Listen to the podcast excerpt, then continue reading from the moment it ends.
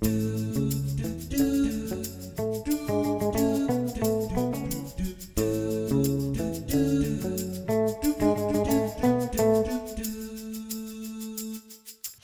och välkommen till Bokpodden Bokspanarna från biblioteken i Luleå. Eh, vi har nu haft ett eh, sommaruppehåll och eh, vi har naturligtvis läst massor med böcker under sommaren och kanske hittat några pärlor. Och vi som har gjort det är Helen och Magnus. Och Agneta. Mm. Jaha, mina vänner. Känner ni er laddade? Har ni, är ni fulla av energi? Ja. Mm. Jag kom tillbaka från semestern för tre dagar sedan, Oj. så jag är ganska oenergi. Ja, men då får du börja eftersom du är mest utvilad. Vil, Okej. Vad är du hittar för pärla i sommar när du har läst? Min pärla i sommar, som verkligen är en pärla för hela året och flera år framåt, det är Pippi-perspektiv, Mhm. som är en faktabok där människor berättar om deras relation till Pi- Pippi Långstrump. Mhm. Och hon sätts in i olika liksom, aspekter. Dels så finns det ett artikel hur hon har påverkat modet. Det har varit ibland en skandal med den amerikanska tidningen Interview där de gjorde någon sån där Lolita-Pippi i modereportage. Och den blev stämd av Astrid Lindgren. Mm. Eh, men det som kanske är roligast, alltså, det är när de börjar grotta i Pippi och kommer fram att även om de älskar Pippi, verkligen älskar Pippi, hur roligt är det när Pippi blir 50 år? Om man arbetar med henne, har en arbetskamrat liksom i skrikiga kläder som kommer liksom in liksom klockan tre på eftermiddagen, vägrar säga var de har varit någonstans och påstår att de kan lyfta hästar. Nej. Nej, kanske inte. Så Pippi är bra, men det på vissa begränsningar. Mm. Men den intressantaste delen, tycker jag, det är när de liknar Pippi vid Trump. Alltså, det finns en människa som påstår att Pippi och Trump är ungefär samma personlighet. Alltså båda två Oh är rödlätta, Mm. båda två definieras av sitt hår. Båda två liksom uppfattar att de är väldigt starka. Pippi kan lyfta, lyfta hästar, Trump kan lyfta undan atombombshot. Båda har något för det där med factu- factual news, alltså liksom lögner som blir sanning. Är det någon som riktigt köper det där med att Pi- Pippi har en söderhavskung som pappa? Mm. Och Trump han ljuger väl ungefär vad som helst. Och båda två hittar på nya ord när det krävs. Spunk. Spunk. Jag tror att om Astrid Lindgren hade levt idag så Ja. hade de stämt dem som jämförde Pippi med Trump. tänkte jag Det också. tror jag. Mm. Och så glömmer man ju bort Stackars flicka. den viktigaste skillnaden. Pippi är en nioårig flicka. Trump är en medelålders man, eller betydligt mer än medelålders. Mm. Och som nioåring så får man faktiskt ha sådana här om, eh, om, omnipotenta fantasier om att man Mhm. kan behärska världen. Mm. Men när man är i Trumps ålder så borde man veta bättre. Ja, det var ju en underbar liknelse. Herregud, så, alltså att folk har väldigt lite att göra som sitter och hittar på sådana där saker. Men vad var det boken hette? Den hette eh, Pippi-perspektiv. Mm. Och det är en antologi, så det finns ingen författare. Mm. Okej. Jag har inte glömt. Agneta, vad har du för Ja. pärlor? Ja, alltså jag har ju flera pärlor, men en av dem som stack ut allra mest eh, det är en bok av Emma Donoghue och hon skrev ju den här boken som först fick heta Inlåsta och sen gjorde de ju om titeln när de gjorde film av den och nu heter även boken på svenska Room som handlar om en mamma och en pojke som hålls fångna av en man. Men det är inte den jag har läst utan jag har läst hennes eh, allra senaste bok eh, som heter Fränder och det är ju ett lite konstigt ett ord som man inte använder så jätteofta och på engelska heter den Aikin och jag vet inte, Aikin känner jag betyder mera längtan eller något sånt. Men de har i alla fall översatt titeln till Fränder. Och den här handlar om Noah som är, han är 80 år och han föddes i Nice för 80 år sedan och då hette han Noé. Och när han som liten kom till USA så ändrade de hans namn till Noah för han blev retad i skolan för att han hette Noé. Eh, och han har alltså inte varit tillbaka i, till Frankrike på 80 år, men nu så ska han ju fylla, fylla år då. Men resan den är nära att ställas in på grund av en familjetragedi för att eh, Noahs syster son son eh, Michael Young, han, han står plötsligt ensam i världen för hans mormor har dött och hans mamma sitter i fängelse och pappan som han haft dålig kontakt med, som alltså är Noahs systerson, han är också död. Så att han är helt ensam i världen. Och eh, Noah får ett telefonsamtal från en socialarbetare som verkligen har försökt hitta släktingar till den här stackars pojken. Eh, han har en, en morbror som, eller om det är en morbror, mormors, nej en, den, det är en morbror, just det. Eh, men han sitter i, i, rullstol och är inte rikt, anses inte riktigt lämplig, fast Michael tycker ju det alltså. Och Noah han vill ju inte för sitt liv ställa in den här resan för han har ju valt ett fint hotell i Nice och han, han ser verkligen fram emot att få åka.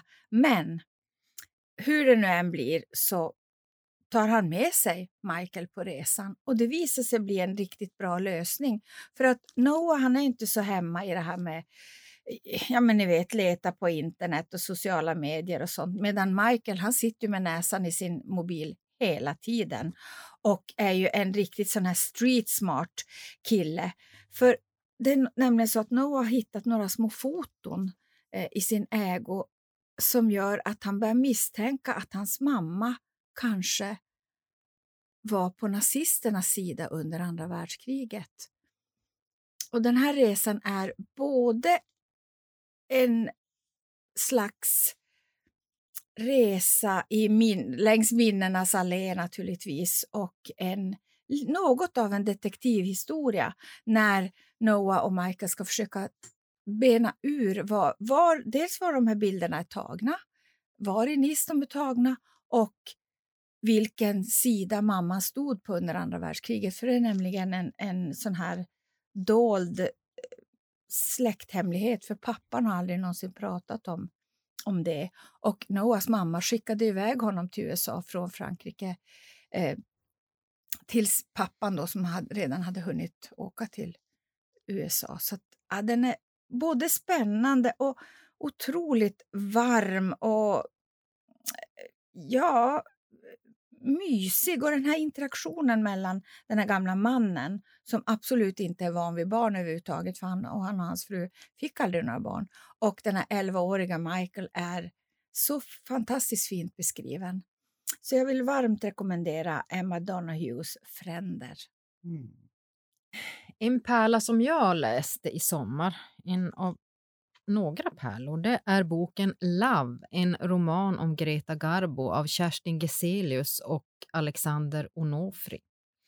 Och det här är en roman som är baserad på bakgrundsforskning, brev och intervjuer med mera som då Geselius och Onofri har gått igenom. Och det här är, den är skriven på ett ganska mm, kargt och enkelt språk, eller vad man ska säga. Det, det, är inte språket som gjorde att jag föll för den här boken, utan helt enkelt för att jag är ganska fascinerad av denna Greta Garbo. Och det finns också en annan bok som jag läste för några år sedan, Blekingegatan 37 tror jag den hette. Ja, av Einhorn. Einhorn, mm. som är då om Greta Garbos, den är också baserad tror jag på lite bakgrundsforskning och då är det innan hon blev känd, hon bodde kvar i Stockholm.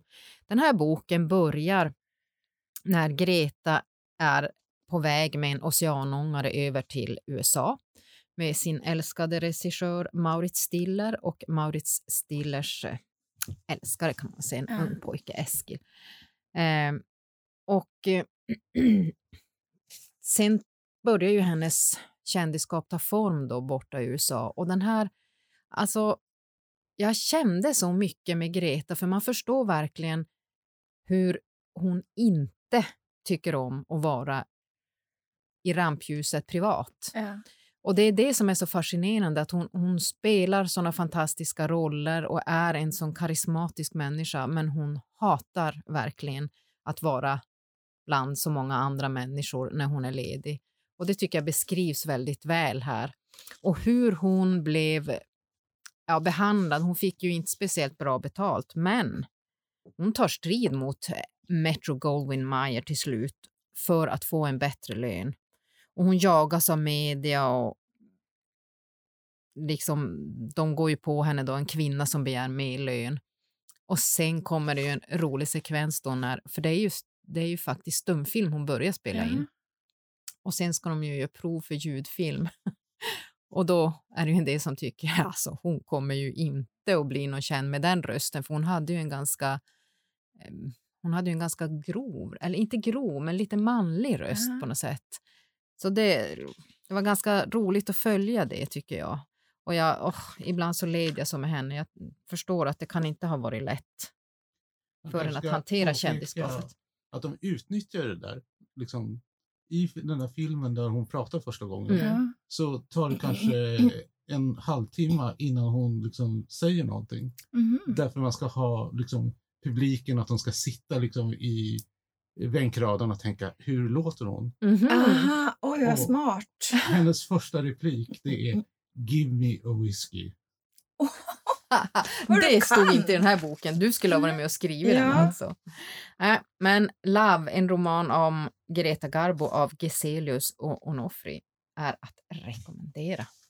Och vill man då läsa om henne före hon åker iväg till USA när hon var yngre så är det Blekingegatan, jag tror det var 37. Ja, jag tror att det är Mm, av 37 Einhorn, också. Som också var väldigt bra. Mm. Och där togs det också upp om hennes förhållande till Mimi Pollack. Mhm. Mhm. Så är det. Ja, har ni några andra Ja, små godingar? som sagt, jag läser nästan enbart facklitteratur nu för tiden. Och många tycker ju facklitteratur är tråkigt och trist. Boring.